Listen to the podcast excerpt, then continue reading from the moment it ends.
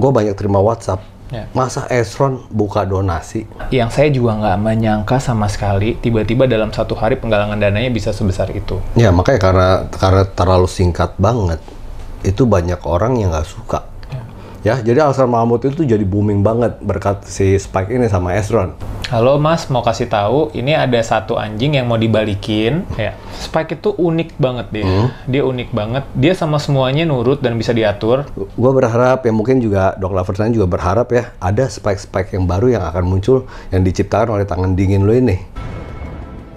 Dapatkan kebutuhan anabul kesayangan Anda hanya di Pet Station BSD City. Indonesia kembali bersama Bobson YouTube Pankres Nusantara untuk channel YouTube Dunia Anjing kita temani oleh Oke, sudah bersama dengan Esron Tarigan. Akhirnya kita bisa ngevlog bareng, Esron ya. Cuman di eh, situasi dan kondisi yang kurang baik gitu ya. Cuman ya nggak masalah, kita ngobrol-ngobrol sedikit tentang eh, tentang sedikit tentang Spike, tentang Esron juga ya, pengen tahu juga nanti juga tentang eh, donasi juga sekalian juga tentang apa eh, langkah ke depannya Esron setelah ini gitu loh. Ya. Nah di awal ini ya eh, awalnya gua ketemu lu di tempatnya rumah teraria ya Esron ya. Udah lama sekali kok. Nah itu tuh gua wow banget gitu loh. Eh, kok bisa gitu ya alaskan malamut Esron ini cuma bawa alaskan malamut tapi bisa meledak gitu eh, YouTube-nya ya kan kita kan pikir kan Indonesia ini kan sama anjing kan nggak gitu welcome ya ternyata kok seorang Esron dan seekor Spike itu bisa bagus banget. Apalagi sejak eh, lewatin 100 ribu ya Esron. Ya. itu cepet banget subscribernya ya. Viewernya juga bagus banget. Nah eh, selain itu juga mengangkat terah Alaskan Malamut. Ya. Jadi Alaskan Malamut itu jadi booming banget berkat si Spike ini sama Esron. Nah yang pengen gue tanya Esron ya kan? Di awal itu kenapa lu itu pilihnya Alaskan Malamut? Ya. Jadi dulu itu saya kan pelihara anjing sebenarnya saya dari umur saya 8 tahun. udah dari kecil gue anjing Dari kecil pelihara anjing, saya ada pelihara Labrador, ada German Shepherd, ada Chihuahua. Tapi kan waktu itu emang belum ada sosial media sama sekali dan nggak ada yang kepikiran juga untuk untuk bisa membuat konten di situ kok. Mm-mm. Terus anjing terakhir saya itu saya pelihara Siberian Husky. Itu itu adalah anjing yang udah benar-benar deket banget sama saya, udah selevel saya sama Spike namanya Kelvin. namanya Kelvin ya Namanya Kelvin, ini udah deket banget sama saya. Em, dia matinya lepto juga waktu itu. oh laptop juga Matinya ma- ma- waktu itu matinya le- lepto dan itu juga em, dia matinya di pelukan saya tuh sampai benar kejang-kejang. Saya nggak ninggalin dia sampai akhir. Itu waktu itu si Kelvin. Terus saya nggak pelihara anjing tiga tahun tuh kok. tiga tahun gue Karena anjing broken heart. Mm-mm.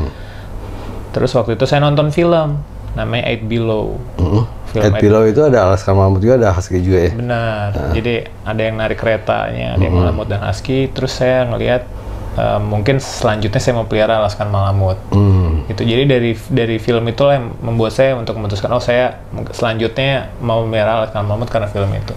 Nah, udah itu lalu kan lu itu pergi ke Dream Castle. Ya, Teddy, nah kenapa pilihnya Dream Castle itu? Kan banyak sekali uh, pilihan lain. benar. Tapi waktu itu gini kok. Pada saat 2012-2013 itu kan saya lagi mau mulai cari Alaskan Malamut. Alaskan Malamut di 2012 dan 2013 belum seperti sekarang kan belum, Ya, iya, ah. belum terkenal seperti sekarang belum banyak yang tahu pada waktu itu pilihannya hanya beberapa channel aja kok termasuk salah satunya ada channel dari Ko Alip namanya channel ada kirik Ada kiri di ya. Solo Em, tapi waktu itu belum ada lahiran dan belum ada anakan Kalau yang nggak ada anakan. Benar. Abis itu saya lihat di website Dunia Anjing Kita tuh kok. Saya lihat di Dunia Anjing Kita ada Spike dan 8 Spike dan 8 saudaranya. Oh, anjingkita.com. Benar. Anjingkita.com. Jadi ngeliatnya di anjing kita Spike itu di Benar. diiklanin sama Ko Teddy di anjingkita.com. Benar. Oke. Di duniaanjingkita.com. Ah. Em, saya lihat jadi di antara 1 sampai 8 saya naksir nomor 3 nomor Oh, lu coba baru lihat foto doang tuh? Benar. Dapatkan kebutuhan anabul kesayangan Anda di Aiko Pet Shop. Oh, 1 Oke. sampai 8 saya naksir nomor 3. Si Spike ini. Spike. Ah, ah. Hum- Dream Castle Humble Spiker. Ah. Saya telepon. Itu saya ingat banget di iklan ini hari Senin. Iya. Saya telepon hari Rabu. Mhm. Saya telepon hari Rabu, saya tanya, halo permisi Pak, mau tanya ini gini-gini, sudah sold out. Oh sudah laku. udah laku. Hmm. Terus saya bilang, oke terima kasih. Malam-malamnya Hmm. ditelepon saya. Hmm. Halo mas, mau kasih tahu, ini ada satu anjing yang mau dibalikin Hmm. karena eh, yang beli itu ibunya tidak bisa menerima anjingnya di rumah. Oh. Anjing nomor tiga. Waduh. Pas gitu ya. Lu naksir Iya. nomor tiga ya kan? Di situ saya bilang kalau misalnya anjingnya jadi balikin, kasih tahu saya, Hmm. saya akan DP untuk adopsinya. Saya bilang seperti itu. Habis itu dibalikin, saya DP buat adopsi. Habis Hmm. itu besoknya dijemput sama adik saya. Oke. Oh, oh lu nggak pernah ketemu secara langsung? Sama sekali nggak pernah ketemu Spike. Oh, gue, pikir lu datang ke tempatnya si Dreamcastle, lihat yang banyak, ketemu, wih, lihat si Spike ini cocok gitu. Belum, belum sama sekali. Oh, jodohnya bukan caranya begitu ya? Belum. Saya, Udah laku, tahu-tahu nomor tiga mau dibalikin. Iya. Jadi Heeh. saya Umur berapa waktu itu si Spike itu? empat bulan. Empat Spike bulan. nyampe ke sini itu empat bulan dua minggu. Oke. Gitu. Nah, kepikir gak sih eh, Spike itu lu bikin konten akan ter seterkenal sekarang ini gitu loh? Jujur sih kok. Heeh. Em, Spike itu kan juga dia baru mulai merambah saya ajak gitu ke dunia YouTube dan dunia Instagram dan sosial media lainnya itu di umur Spike 3 tahun kok. Oh iya, kenapa telat gitu ya? Karena gini kok, jadi dari Spike kecil sampai Spike umur dua setengah tahun, Hmm? saya itu waktu itu kerja sebagai uh, reporter di salah satu stasiun TV. Oh, reporter lu. Reporter kok, Oh. reporter bagian berita. Hmm. gitu. Terus em, dulu umur Spike empat setengah bulan sampai umur dua setengah tahun dia lebih berkesibukan di dunia dog show, Oh, main pameran. main pameran, dunia dog show. Em, tidak ada pelatihan eh, obedience-nya. Jadi Spike tuh sama sekali nggak tahu latihan sit down, high five dan segala macam dia belum bisa sampai umur 3 tahun. Dia sibuk di dunia dog show. Maksudnya saya ingin ya karena papanya Spike kan dia punya titel, terus kakeknya juga ada titelnya. Saya pengen kalau bisa mungkin nggak sih kalau Spike tuh punya gelar juara Indonesia gitu kan. Ternyata dia di umur 17 bulan udah menyelesaikan titelnya. Em, habis itu udah saya udah nggak ikut show lagi. Mm-mm. Dan pada saat itu saya diajak sama teman saya waktu itu. Em, kita dia founder, saya co-foundernya. Mm-mm. Kita kita merencanakan ngebuat suatu channel YouTube bareng karena pada saat itu em, belum ada yang buat seperti itu. Anjing gitu. Soal anjing, namanya itu TWODS. TWODS ODS. singkatannya Traveling with Our Dogs. Hmm. Jadi ada dua anjing waktu itu yang jadi pemeran utamanya. Mm-mm. Satu Spike, satu lagi Golden yang juga sekarang terkenal namanya Snowy. Oh, oke. Nama Bima. Nama Bima, benar. Jadi kita ke mana-mana bareng segala macam. Setelah itu kami memutuskan untuk ngebuat channel sendiri-sendiri. Hmm. Nah, ya udah kok. Pada saat kami memutuskan untuk buat channel sendiri-sendiri itu saya nol, buat channel dari nol. Hmm. Begitupun teman saya juga ngebuat channel dari nol. Hmm. Nah, puji Tuhannya ya, Ya dua-duanya bisa beken loh. Saya, saya, saya ag- juga- agak wow juga ya. saya juga nggak ngerti sih kok maksudnya bisa seperti itu. Cuman ya intinya saya dari dulu ngebuat ngebuat suatu konten bersama Spike, saya nggak berharap bisa terkenal. Saya nggak berharap, saya nggak pernah punya tujuan. Saya mau buat YouTube channel untuk cari uang dari YouTube, Hmm. nggak pernah. Tapi saya mau mau ngebuat YouTube channel karena hobi saya fotografi dan saya suka jalan-jalan sama anjing saya. Oke. Cuman itu aja. Jadi dua-duanya hal yang ker- saya kerjain itu misalnya saya traveling, saya ajak spek jalan-jalan ke Jogja atau ke puncak ke mana, itu adalah hobi saya. Mm-mm. Hobi saya yang lain adalah fotografi dan videografi. Jadi dua-duanya saya cuma ngelakuin hobi aja sih kok. Ngelakuin hobi, terus ya saya upload ke sosial media, ternyata bersambut baik. Mm-mm. Booming ya. Iya, jadi saya sama sekali nggak menyangka sih kok. Jadi memang dari awal juga nggak nggak nggak nyangka bakal bisa meledak begini gitu. Jauh dari pikiran itu. Saya ingat, saya saya kan baru scroll-scroll ke Instagram kok. Kan latest Eh, memory. Instagram dulu apa YouTube dulu yang beken? Instagram dulu. Instagram dulu ya. Saya scroll-scroll Instagram, itu ada di 2018. Hmm. Ada postingan story saya, terima kasih teman-teman untuk 5000 subscribersnya. Oh itu Masih ada. ah, itu ya apa channel YouTube? Iya, saya Oke. mengucapkan terima kasih sama teman-teman. Saya punya 5000 subscribers Ah. waktu itu. Jadi saya saya saya tuh dulu sempat ngomong sama pacar saya waktu belum jadi istri. Hmm. Aku kalau udah punya 100.000 subscribers, kayaknya udah deh aku nggak berharap apa pun lagi. Hmm. Karena 100 ribu subscribers itu udah banyak banget dan aku udah ngerasa beruntung banget. Dan itu saya sampai 100 ribu subscribers juga kan nggak ada bayaran, belum ada belum ada segala macam. endorsan gitu ya. Ya nggak ada. Cuman saya ngerasa 100 ribu subscribers itu udah sangat banyak sekali kok. Jadi ya terlepas daripada itu ya saya ngerasa sangat beruntung sekali bisa berada di posisi sekarang. Ya itu sih intinya saya nggak pernah sama sekali dan nggak berharap sama sekali bisa seterkenal ini juga. Nah, eh, gimana kalau dari omongan orang ya pasti kan lu kan juga sering denger ya, oh Esron itu me- apa memanfaatkan anjing untuk cari duit Ya. gitu loh. Jadi gini kok, semua hal yang saya lakukan untuk Spike Hmm. itu benar-benar semuanya adalah kesukaannya si Spike. Hmm. Saya tidak pernah memaksakan Spike melakukan sesuatu yang mana itu akan mempersulit dia. Hmm. Satu-satunya hal paling sulit yang Spike pernah lakukan pada saat bareng saya itu adalah waktu dia syuting film Evil I'm in Love kedua. Hmm. Itu benar-benar dia harus secara profesional, ada dialognya, terus ada tertata, harus mau ngapain aja. Itu sebelum persiapan syuting saya harus ngelatih dia dua bulan. Jadi misalnya Spike stay di sana 20 meter, dia diem melihat saya, saya jadi dari jauh gini, Dia dia langsung bisa calling. Heeh. Bener-bener fokusnya beda dan pada saat syuting tuh 120%. Sisanya misalnya meet and greet atau misalnya em, ada endorsement dan segala macam. Saya tidak pernah benar-benar menyiksa Spike karena saya sangat sayang sekali sama dia. Saya tidak pernah memaksa Spike melakukan sesuatu yang dia tidak nyaman melakukannya. Apa yang nggak bikin dia nggak nyaman gitu loh? Misalnya nih kok, misalnya yang ngebuat dia tidak nyaman itu adalah disuruh live misalnya, Hmm. Tapi suruh live-nya itu misalnya kayak jam 11 siang Oh, gitu. dia nggak suka gitu. Ya, jadi saya, saya saya saya bilang pokoknya kalau misalnya kita ada kerjaan, saya saya me- meminta bantuan kepada para sponsor atau para endorser yang mau kerja sama dengan saya. Ada beberapa syaratnya saya kasih. Yang penting pokoknya kalau misalnya syutingnya tidak dari jam 7 sampai jam 9 pagi atau dari jam 4 sampai jam 6 sore, di luar itu kalau bisa out indoor Oh, si indoor ya. supaya tidak panas. Supaya nggak kepanasan ya. Itu aja sih kok. Kalau si Spike sih sisanya sisanya ya saya juga nggak menyangka tiba-tiba Spike berjalan dengan kesibukan kita dan segala macam. Spike itu benar-benar jadi anjing profesional kok. Mm-mm. Aduh saya sangat-sangat menyayangkan banget Spike udah nggak ada. Kalau misalnya ada nih kok, Spike bisa benar-benar datang, kita ngobrol di diam di sini. Pas udah selesai, oke Spike bisa turun, udah tahu selesai syuting. Oh, dia bisa begitu. Wah, apa Saking- udah terbiasa? Saking udah terbiasanya kok. Oh. Jadi misalnya saya bilang lihat kamera, dia lihat kamera. Mm-mm. Pada saat udah selesai syuting dia dia selesai. gitu ya. Nah, eh, waktu eh, lalu kan ada tambahan anjing kan, si Iya, Nala. benar. Nah, kenapa eh, kepikiran buat buat nambahin Nala gitu? Um, jujur, Mm-mm.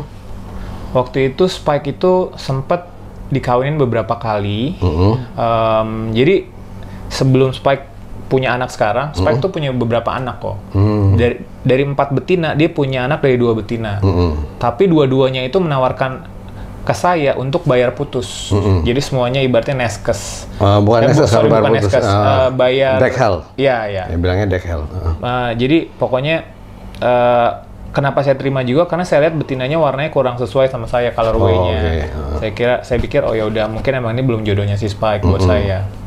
Dan saya tidak ada komunikasi sama mereka semua. Yang penting pokoknya saya menyelesaikan kewajiban saya sebagai Spike. Spike uh, punya anak ya udah anak dikip sama mereka semua. Terus saya pikir saya cuman mau suatu saat nanti ada anjing yang bisa saya panggil Spike Junior Oh, oke. karena saya sayang banget sama si Spike dan saya cuma pengen ada anjing yang bisa saya panggil Spikey Junior atau Spike Junior udah itu aja dan saya nggak pengen pokoknya tiba-tiba yang ini juga dikenal dan segala macam akhirnya em, saya ngobrol sama calon istri saya ngobrol sama keluarga juga gimana gini-gini segala macam mereka setuju untuk kita adopsi satu malamut lagi yang betina Buat nanti kawin sama Spike. buat nanti kawin sama Spike. Tapi kan itu juga kita nggak pernah tahu kan kok kayak misalnya kesuksesan pada saat dikawin seperti Ya. apa nanti, apakah ada anaknya juga dan segala macam.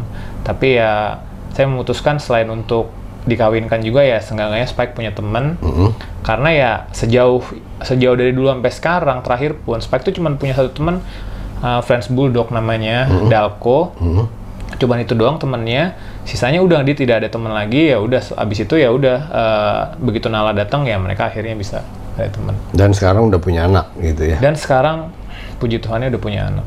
Nah, uh, selama ini kan yang orang tahu kan Spike itu Spike dan Estron, Spike Yeah. dan Estron gitu ya. Uh, Spike sama keluarga lainnya gimana gitu, sama Yeah. orang tua, sama adik, kak- uh, kakak gitu gimana? Atau sama waktu itu sama calon istri lo? Dapatkan kebutuhan untuk anabul kesayangan Anda hanya di Hypet Pet Shop Kelapa Gading. Ya, Spike itu unik banget dia. Hmm. Dia unik banget. Dia sama semuanya nurut dan bisa diatur. Hmm. Tapi bener-bener 100% nurut secara detailnya itu sama saya. Hmm. Tapi dia bisa tahu nih kok kayak kesibukan mama saya. Misalnya mama saya lagi datang Hmm. ke meja makan, mama saya makan. Spike tuh cuma pura-pura doang nemenin. Hmm. Nggak celamitan minta gitu. Nggak, dia nggak minta-minta, tapi Oh. dia tahu mama saya nggak akan tega. Oh gitu. Jadi tanpa diminta pasti dikasih. Oh ya. Nah itu benar-benar, aduh, si Spike tuh dari, wah, dari kecil sih kok, dari benar-benar pertama kali Spike datang nih ada cerita unik juga antara saya dan adik saya. Saya Spike Spike udah di rumah, umurnya waktu itu empat setengah bulan, ya kan. Dia kan tidak di kandang waktu itu masih di rumah. Saya pulang dari olahraga main basket, saya bawa kerak telur. Hmm. Baru saya makan seperempat, saya lipat lagi, saya taruh di meja. Hmm. Saya ke kamar mandi, cuci tangan bentar doang. Tiba-tiba saya keluar, udah kebuka. Hah, kerak telur udah kebuka Abis. adik saya keluar kan si AO. Weh, kampret ini kerak telur gue ngapain lo makan? Saya bilang kayak gitu kan. Nggak ada o makan. Tiba-tiba Spike lewat, di mulutnya ada bekas rundeng. Wah. Adanya kucing juga tuh. Aduh, itu saya ingat banget. Ya ampun Tuhan, cuman ya Ya gitu sih kok dia sama keluarga saya yang lain semuanya baik-baik aja dan nurut dan mau di- mau mendengarkan juga tapi memang difokus banget sama saya. Oh, tapi dia tahu ini anggota keluarga gitu ya. Dia tetap benar. dia tetap oke gitu Iya, ya. sangat- Ngawan ngawan mendok gitu Enggak, ya. dia baik banget. Nah, eh, sebelum ini pernah nggak dia sakit berat gitu loh? Ya, Atau yang cukup ganggu lu sampai lu takut, aduh eh, takut spek ada apa-apa gitu. pernah kok pernah. Hah? Jadi pada saat umur Spike dua setengah tahun, Hmm. saya saya pulang. Pada saat umur Spike dua setengah tahun itu Spike udah di kandang. Hmm. Cuman di sini kalau kita taruh anjing di kandang itu juga kan pro kontra. Hmm. Ada yang bilang anjing tuh nggak boleh di kandang, anjing boleh di kandang. Tapi kalau misalnya buat orang-orang yang berkesibukan atau melatih anjingnya untuk dunia dog show tahu apa Hmm. gunanya kandang. Jadi maksudnya kalau buat teman-teman yang belum tahu gunanya kita uh, naruh anjing kita di kandang itu selain dari segi keamanan adalah supaya kaki belakangnya kan nggak bengkok ya kok. Ya itu juga. Ya, jadi ya banyak fungsi-fungsi kandang lain. Waktu itu Spike saya taruh kandang, pakai AC dan segala macam. Jam 7 malam saya nyampe rumah habis main basket, saya buka kandang, Spike mimisan dari hidung, mata, dan kuping. Parasit darah, Nah, saya nggak tahu waktu itu apa, saya langsung bawa ke dokter. dokter parasit darah. Hmm. Tapi karena pada saat itu Spike usianya masih dua setengah tahun, dia benar-benar fight abis-abisan, treatment antibiotik nggak putus minum antibiotik selama tiga bulan, dia bisa selamat. Hmm, hmm, hmm. Gitu. Jadi sebelum ini pernah sakit eh, sampai mimisan itu ya. Pernah, pernah. Oke, eh, setelah ini rencana lu ke depan apa gitu loh? Mau populerin anaknya atau mau jalan sama Nala atau gimana? Saya sih, tuh biasa sih kok ya. Yang paling terutama dulu adalah saya harus menyembuhkan hati saya dulu dan mengikhlaskan Spike. Itu yang, itu yang terutama. Dan istri saya juga, keluarga saya, adik saya semuanya benar-benar merasa sangat kehilangan Spike. Kalau misalnya ditanya apa selanjutnya untuk saya, kalau misalnya saya ada rezeki, saya mau keluar kota, pindah keluar kota, saya akan bawa Nala dan semua anak-anaknya, The Malamut Family, dan memulai sesuatu yang baru di situ sih kok. Karena menurut saya, kalau saya masih tinggal di sini gitu, terlalu banyak kenangan yang saya tidak tidak bisa lupakan. Kayak saya jalan sendirian nangis, saya makan sendirian nangis gitu. Jadi kayak ya itu sih rencana buat saya buat di ke depannya sih kok. Gitu ya. Ya rencananya masih belum tahu juga ya. Tapi rencana pengen bawa Nala sama anak-anaknya gitu ya. Iya. Siapa tahu juga ya kita juga berharap gini, eh, Isran, lu juga jangan fokus di Spike karena Spike itu sudah istilahnya sudah nggak ada. Lu mesti move on, ya kan? Nah lalu juga fokus sama anak-anaknya. Nah nggak ada salahnya kalau menurut gue itu lo itu mencoba menciptakan Spike-Spike yang baru. Karena Spike ini ya, eh, Spike ini benar-benar mengangkat peranjingan di Indonesia. Ya, kita masyarakat Indonesia kebanyakan tuh soal anjing tuh kita ngomong anjing aja di Google aja kalau iklan anjing, anjing itu dianggap sebagai umpatan. Ya. Kata makian. Kalau ngomong eh, kalau gua nggak nge- komen di channel lain ya dunia anjing kita ya dia bilang "Eh, itu nama channelnya itu banget ngegas amat gitu loh. Kayaknya anjing itu jelek banget gitu ya. Tapi Spike ini bikin anjing itu diterima sama gue lihat masyarakat uh, dari kelas bawah sampai kelas atas juga tahu spike. Dari yang istilahnya uh, non muslim uh, muslim ya. Uh, orang nggak suka anjing itu tahu spike. Mereka banyak yang komen oh gue nggak nggak bisa piara anjing tapi gue suka lihat spike gitu loh. Ya itu kan di sini jadi oh, uh, orang jadi tahu spike itu ada fungsinya sebagai teman ya kan? Yeah. lucu ya. Anjing itu tidak galak ya kan? Nggak nyusahin gitu ya kayak begitu. Nah, gue berharap ya mungkin juga dok lovers juga berharap ya ada spike-spike yang baru yang akan muncul yang diciptakan oleh tangan dingin lo ini. Dapatkan kebutuhan anabul kesayangan Anda hanya di KGP Pet Shop bersama Asup Apik. Ya kan? Amen. Menurut gue tangan lu ini tangan emas gitu loh, ya bisa ciptain spike, spike berhasil.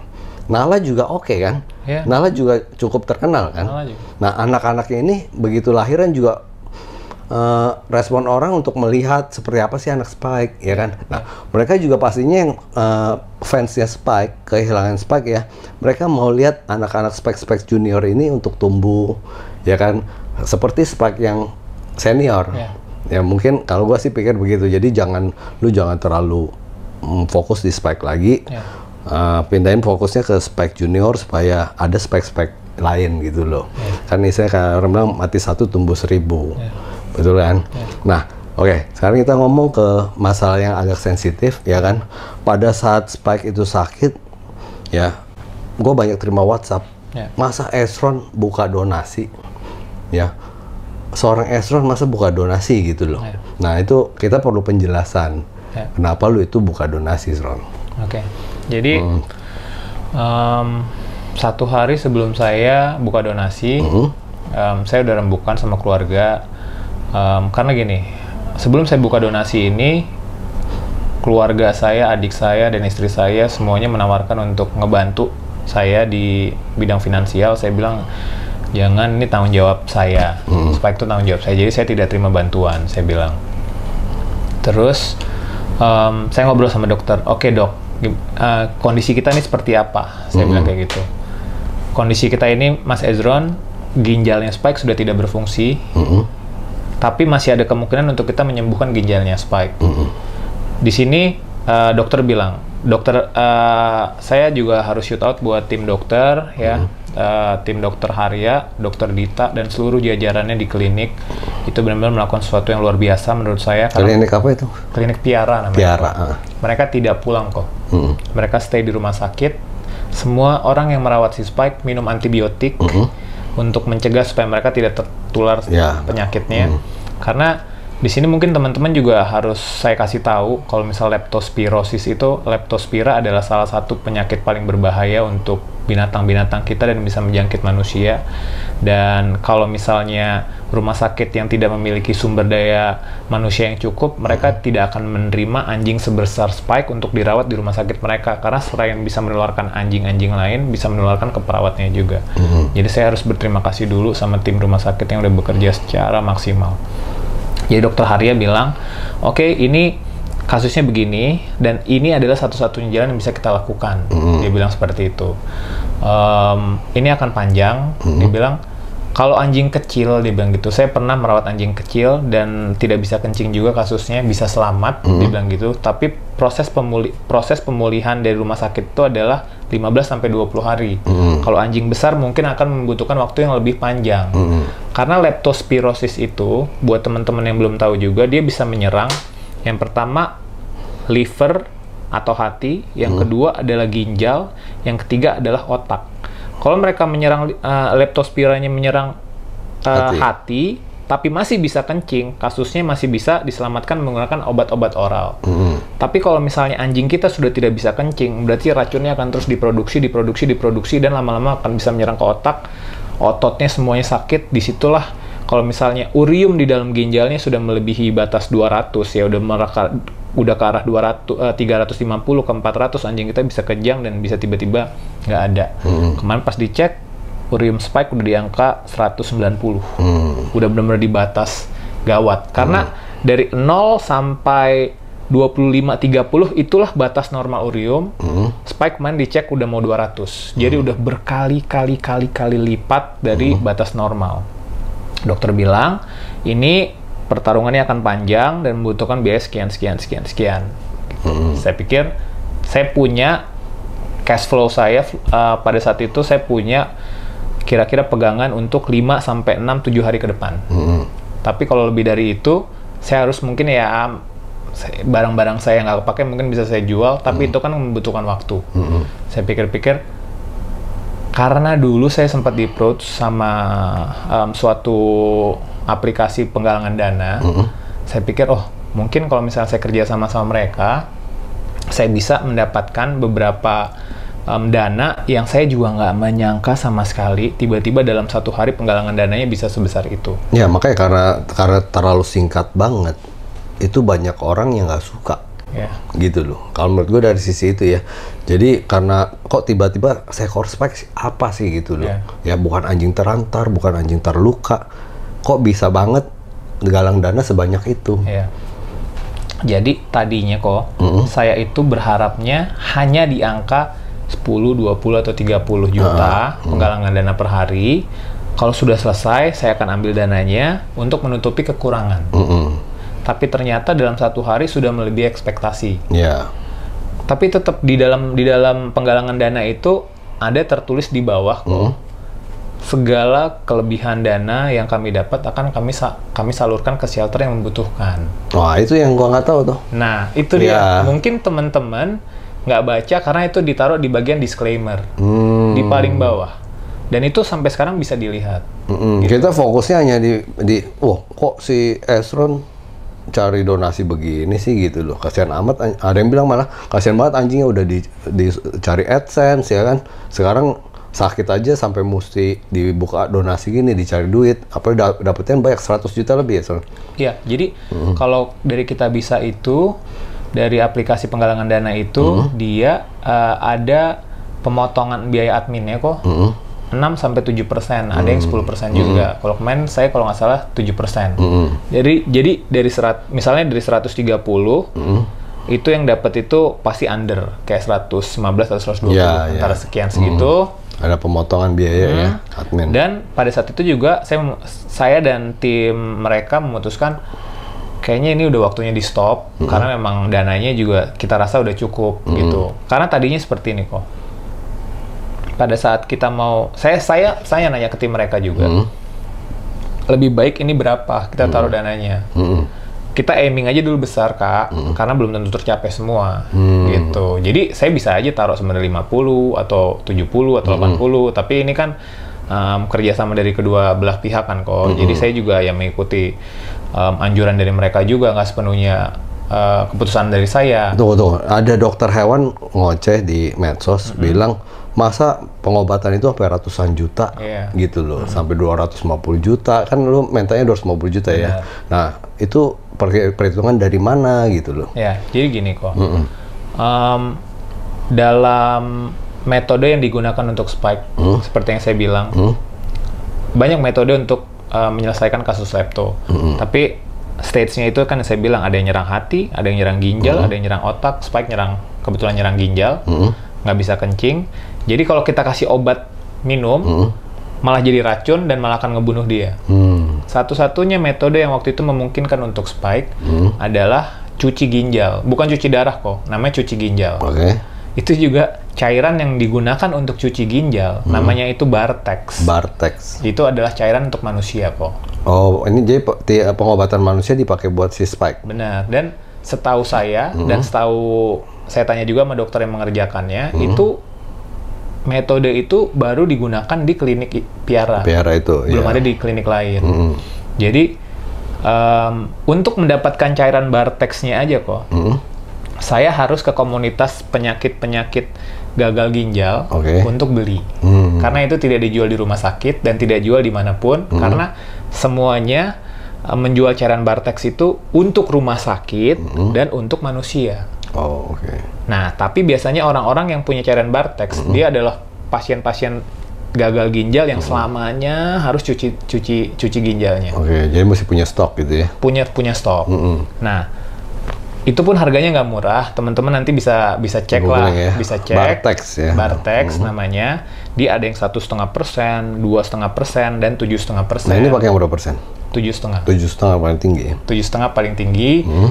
Karena emang kita berharap pokoknya selagi spike punya daya tahan kita Hmm. mau keluarin racunnya gitu jadi sehari itu bisa cuci 3, 4 bahkan sampai lima kali Hmm. kalau misalnya udah dicuci 3, 4 kali belum turun biasanya um, spike tiba-tiba sesek dicuci lagi Oh, karena kalau misalnya sesek tandanya uriumnya tinggi racunnya udah benar-benar tinggi oke. Terus saya mendampingi Spike terus. Nah, mungkin teman-teman em, herannya atau penasarannya kenapa kok kita menggalang dana sampai sebesar itu? Mm-mm. Karena di rumah sakit pun itu selain biaya yang tinggi, biaya saya saya paling bisa minta tolong ke rumah sakit tuh kayak gini kok. Tahan dulu ya nanti saya bayar mungkin. Tapi itu kan itu kan paling bisa saya tahan 1 sampai dua hari kok. nggak mungkin bisa saya tahan lama-lama juga kan Mm-mm. saya saya juga kalau misalnya saya ada kelebihan uang yang berkali-kali lipat, saya nggak akan melakukan penggalangan dana. Mm-mm. Tapi karena saya tahu kapasitas saya juga, karena ada karena ada em, apa namanya sesuatu yang harus saya tanggung jawabkan juga, saya tahu kapasitas, makanya saya memutuskan untuk ya udah kita nggak apa penggalangan dana, tapi kita tidak akan benar-benar memanfaatkan ini semua untuk dana spike, makanya kita tulis di bawah ada kelebihan dana yang akan kita gunakan untuk shelter. Tapi lu nyangka nggak bakal seheboh itu jumlah yang lu terima? Jujur Eko, Mm-mm. Saya sangat-sangat tidak menyangka sekali dan saya sangat berterima kasih kepada Indonesia. Uh, mereka udah sangat sayang itu dan peduli banget sama Spike. Hmm, jadi ini murni uh, penggemar Spike yang yang yang donasi. Ini bener-bener um, saya saya jujur Eko. Saya tuh berpikirannya pokoknya satu hari ini kalau misalnya kita tembus kayak 10 atau 20 juta beres selesai. Oke. Itu aja cukup. Mm-mm. Saya pada saat itu nggak punya kok energi buat ngecek-ngecek kita bisa atau apa segala macam. Nggak ada energi saya pokoknya buat si Spike fokus saya samping Spike semangatin Spike. Tiba-tiba setengah hari saya cek wah kok udah 50 saya tutup lagi saya cek malamnya loh kok udah 100 Mm-mm. saya sama sekali tidak menyangka kok. Saya juga bingung sebenarnya. Hah ini gimana? Makanya besok harinya saya memutuskan dan dengan kita bisa ya udah ini kita udahin aja. Karena ini Oh. udah terlalu besar. Ya. gitu. Terlepas daripada itu, saya juga kan pada saat saya fokus ke Spike, saya juga banyak dengar. Kita sempat ngobrol juga kan, kok Bobby, kok misalnya ada orang yang mempertanyakan dan ini segala macam. Pada waktu itu saya tidak bisa langsung respon di sosial media dan segala macam memberi klari- klarifikasi karena memang ya kita fokusnya ke Spike pada saat itu. Saya nggak punya energi buat fokus kayak hal yang lain. Nah di sini saya pengen teman-teman tahu kalau saya pribadi ya sekarang ini kok saya siap untuk menyerahkan semua donasi yang saya dapat dari kita bisa untuk semua shelter yang membutuhkan. Hmm. Tapi kalau saya melakukan itu, Hmm. saya rasa saya akan mengecewakan fans-fansnya Spike juga. Jadi saya udah memikirkan matang-matang, saya diskusi sama istri saya, saya diskusi sama keluarga saya. Jalan tengahnya adalah saya akan ambil sebagian kecil aja donasi untuk menutupi setengah dari biaya pengobatan Spike. Sisanya semuanya yang mana itu lebih besar lagi, yang jauh lebih besar daripada sebagian kecil ini. Sisanya semuanya akan saya dona- donasikan ke shelter, yang mana nanti Ko Bobby bisa lihat secara transparan. Kita akan buka-bukaan juga. Ko Bobby bisa bantu saya untuk memilih shelter mana yang membutuhkan kita datang kita sumbang. Jadi uh, uang kelebihannya itu akan dibagikan ke shelter-shelter. Iya. Ya jadi meluruskan berita kalau uh, Esron ini memanfaatkan anjingnya yang sakit ya untuk cari keuntungan. Nah ini penjelasannya ada klarifikasi.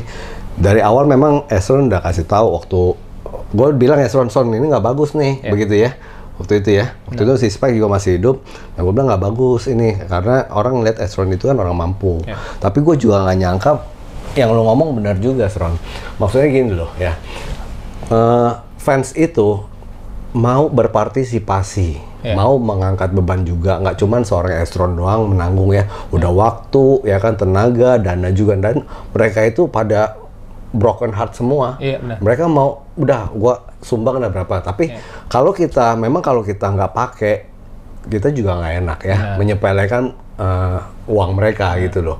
Kadang ya ada pertimbangan mungkin uh, pendapat dog lovers atau netizen mungkin berbeda ya. Yeah. Tapi pendapat gua awalnya juga gua nggak setuju. Ngapain sih Stron lo ambil? Ya mendingan lu kasih semua. Benar. Tapi kalau gua gua begini, gua ini juga suka bantu orang ya. Misalnya kita bantu orang, uangnya nggak dipakai Ya. itu kesel gitu loh ya kan nah mungkin ya eh Esron ambil sedikit untuk sebagai istilahnya itu aja simbolis ya Benar.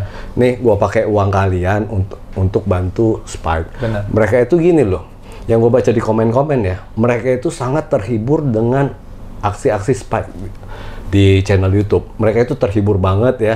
Mereka itu bisa mengenal anjing seperti apa ya kan lucunya ya kan tingkah lakunya kekonyolannya gitu ya berdua sama Esron. Jadi mereka tuh merasa terhibur dan mereka mereka itu merasa memiliki. Benar. ya gue suka kalian sama Putra kalau lagi ngevlog tuh suka nyindir gitu loh gitu ya. Wah yang komen tuh banyak gitu loh. Ya kan? Jadi gue lihat di sini wah ini fansnya ini gila banget. Mereka itu merasa memiliki. Iya. semua orang lu punya anjing sejelek apa pun anjing lu ya dibilang orang jelek pasti lu marah Benar. karena itu bukan lu anggap bukan anjing lu tapi anak lu Ya. Betul ya. Jadi di sini kita dapat klarifikasi kalau dana itu tidak dipakai semua ya sebenarnya. Kira-kira ada berapa berapa persen dari dana itu yang bakal lu sumbangkan ke shelter-shelter itu? Dari semua, Hmm. kita mungkin akan sumbangin 80 persen. 80 persen. 80%. Jadi lu hanya pakai 20 persen untuk nutupin biaya rumah sakit. Benar. Itu 20 persen nutupin biaya rumah sakit uh, untuk bayar full atau gimana? Kira-kira berapa sih uh, biayanya si Spike itu kemarin? Kalau boleh tahu ya. Ya. Untuk biaya rumah sakitnya aja, Hmm. itu tembus di angka 30. 30. heeh. Untuk biaya obatnya, em, itu tembus kurang lebih 30-40-an. Hmm. Nah, saya ambil 20 persennya itu berarti menutupi seperempat dari total biaya keseluruhan. Oke. Sisanya semuanya saya handle. Ini karena Spike itu, sorry, eh, mati terlalu cepat dari perkiraan. Benar. Kalau misalnya dia bisa bertahan yang seperti klinik itu bilang bisa dua minggu lebih, mungkin lebih dari segitu ya. Benar kok, tapi saya mau klarifikasi sedikit juga. Hmm. Saya udah beli cairan Bartex itu untuk 2-3 minggu ke depan. Oh, Kelebihannya saya sumbangin ke rumah sakit. jadi semua. sisanya buat yang membutuhkan. Benar. Tapi ini manusia. Iya, ah Ya. enggak, rumah sakit hewan kok. Oh hewan. Hewan, karena gini kok. Pada saat Spike sakit itu, dokter bilang ini cairan Bartex kita cuma 4 tabung. Mm-mm. 4 tab, Spike satu hari perlu 4 sampai 5. Oke. Gitu. Jadi kalau misalnya ya buruk-buruknya ada anjing lagi nanti yang ras besar seperti Spike membutuhkan itu bisa datang ke klinik piara karena di sana mereka punya perawatannya. Oke, memang biayanya ini cukup besar ya. Em, jujur ya kok. Eh, saya tidak menyudutkan siapa pun, cuman ini kan juga buat awareness kita untuk hewan yang kita sayang. Hmm. Em, jadi dokter juga kemarin bilang kalau misalnya ada beberapa orang yang memiliki anjing, kalau misalnya tahu anjingnya sudah harus ICU dan biayanya tinggi, mereka bilang dok, kayaknya anjing kita disiratin aja. Oh di etanasia gitu ya? Iya, disiratin aja gitu. Jadi maksud saya em, di sini saya mau ngasih tahu kalau misalnya memang anjing ras kecil atau ras besar, kalau misalnya dia sudah terjangkit penyakit yang parah, biayanya akan sangat-sangat mahal per- perawatannya. Itu sih yang teman-teman perlu tahu. Nah, lu lu itu kepi- eh, nggak kepikir seperti itu? Maksudnya, ah sayang uangnya, itu kan cas untuk sembuh kan eh, rendah gitu loh. Untuk menidurkan Spike pada saat itu, Hmm. kalau saya bisa operasi ginjal, saya kasih ginjal saya satu ke Spike, saya kasih kok. Hmm. Jadi kalau buat saya pada saat itu untuk menyerah tanpa ber- eh, untuk menyerah sebelum berperang, kayaknya itu merupakan sesuatu yang nggak mungkin ya karena jujur Hmm. saya em, tidak akan bisa sampai di sini tanpa Spike Mm-mm. dan Spike itu kan udah gimana ya kok eh, mungkin kalau misalnya dibilang wah misalnya wah Ezron sombong atau gimana segala macam ya sebenarnya jauh sebelum saya bisa mempunyai semua ini sifat saya udah kayak gini-gini aja sih kok sebenarnya tapi dari pelajaran yang saya petik dari Spike ini gitu Spike tuh adalah anjing yang benar-benar jadi kebanggaan saya sekarang dia udah nggak ada nih kok Mm-mm. saya benar-benar belajar kalau misalnya hidup itu ya harus dimulai dari sesuatu yang rendah hati. Memang membutuhkan membutuhkan pelajaran yang penting banget pukulan buat saya, tapi dari ketidakadaan Spike ini Mm-mm. benar-benar akan merubah saya. Mungkin saya harap menjadi pribadi dan sosok pribadi yang lebih baik lagi ke depannya. Gitu ya. Jadi ada pelajaran yang bisa dipetik juga Sangat ya. sangat kok. Dan kita juga berharap akan ada spek-spek lagi ya. Dari Esron juga mungkin spek-spek junior ini juga akan meneruskan nama baiknya Spike ya. Nah, teman-teman juga bisa contoh Esron uh, memperkenalkan anjing itu ke masyarakat Indonesia ya dengan piaran kita sendiri kita yeah. bikin vlog, bikin yang lucu-lucu atau apa gitu ya. Ya memang jangan orientasinya uang ya karena waktu si Spike itu nge YouTube juga kak, pasti lu pikir nggak mungkin nggak kepikir bisa meledak ya. Cuman lu memang suka benar. traveling sama anjing, pengen yeah. kasih lihat orang, oh kita bisa traveling sama iya, anjing benar, gitu. Benar, benar. Jauh dari pemikiran untuk saya bisa menghasilkan duit dari YouTube, mm -hmm. saya bisa dapat AdSense dari YouTube, jauh pemikiran saya dari itu. Bahkan saya juga mulai YouTube, saya nggak tahu apa itu AdSense kok. Oh iya. AdSense tuh apa sih? Saya nggak tahu. Kata bahasa AdSense saya saya nggak uh, tahu. Iya. Gitu. Jadi kayak begitu tembus 200 atau 300 ribu baru YouTube bisa transfer pada saat itu buat saya baru di situ saya kayak oh ini tuh AdSense oke okay. gitu. seperti itu Nah, oke, okay. uh, eh, kita sudahin vlog kali ini Siapa? bersama Esro. Semoga informasi ini uh, bisa meluruskan opini-opini yang beredar, terutama tentang donasi. Ya, kita juga ya. berharap nanti ada spek-spek kecil yang melanjutkan nama spek. Nah, mungkin informasi di uh, podcast kita kali ini kurang uh, lengkap. Nanti uh, Esro itu akan ada podcast bersama siapa? Denny Denny Sumargo. Denny Sumargo ya. ya. Nanti nanti kan di channelnya Denny Sumargo ya. ya Nah, lalu soal uh, penyaluran dana nanti kita ada vlog berikutnya ya, lagi nanti ya. kita ada vlog berikutnya lagi. Mm -hmm. Kita akan pilih shelter yang akan kita pilih bareng-bareng ya kok. Ya. Um, nanti kita akan sumbangin saya pribadi mm -hmm. uh, berencananya itu tidak menyumbangkan dalam bentuk cash aja, mm -hmm. tapi saya menyum kita kita berharap bisa menyumbangkan dalam bentuk makanan, mm -hmm. vitamin, mungkin 20 persennya cash. Mm -hmm. Karena um, saya saya saya ngerasa kalau misalnya cash itu diperlukan, tapi yang diperlukan lebih lagi adalah uh, makanan untuk anjing-anjingnya. Mm -hmm. Gitu. Paling kurang lebih gitu. Oke. Okay. Oke. Okay. Goodbye.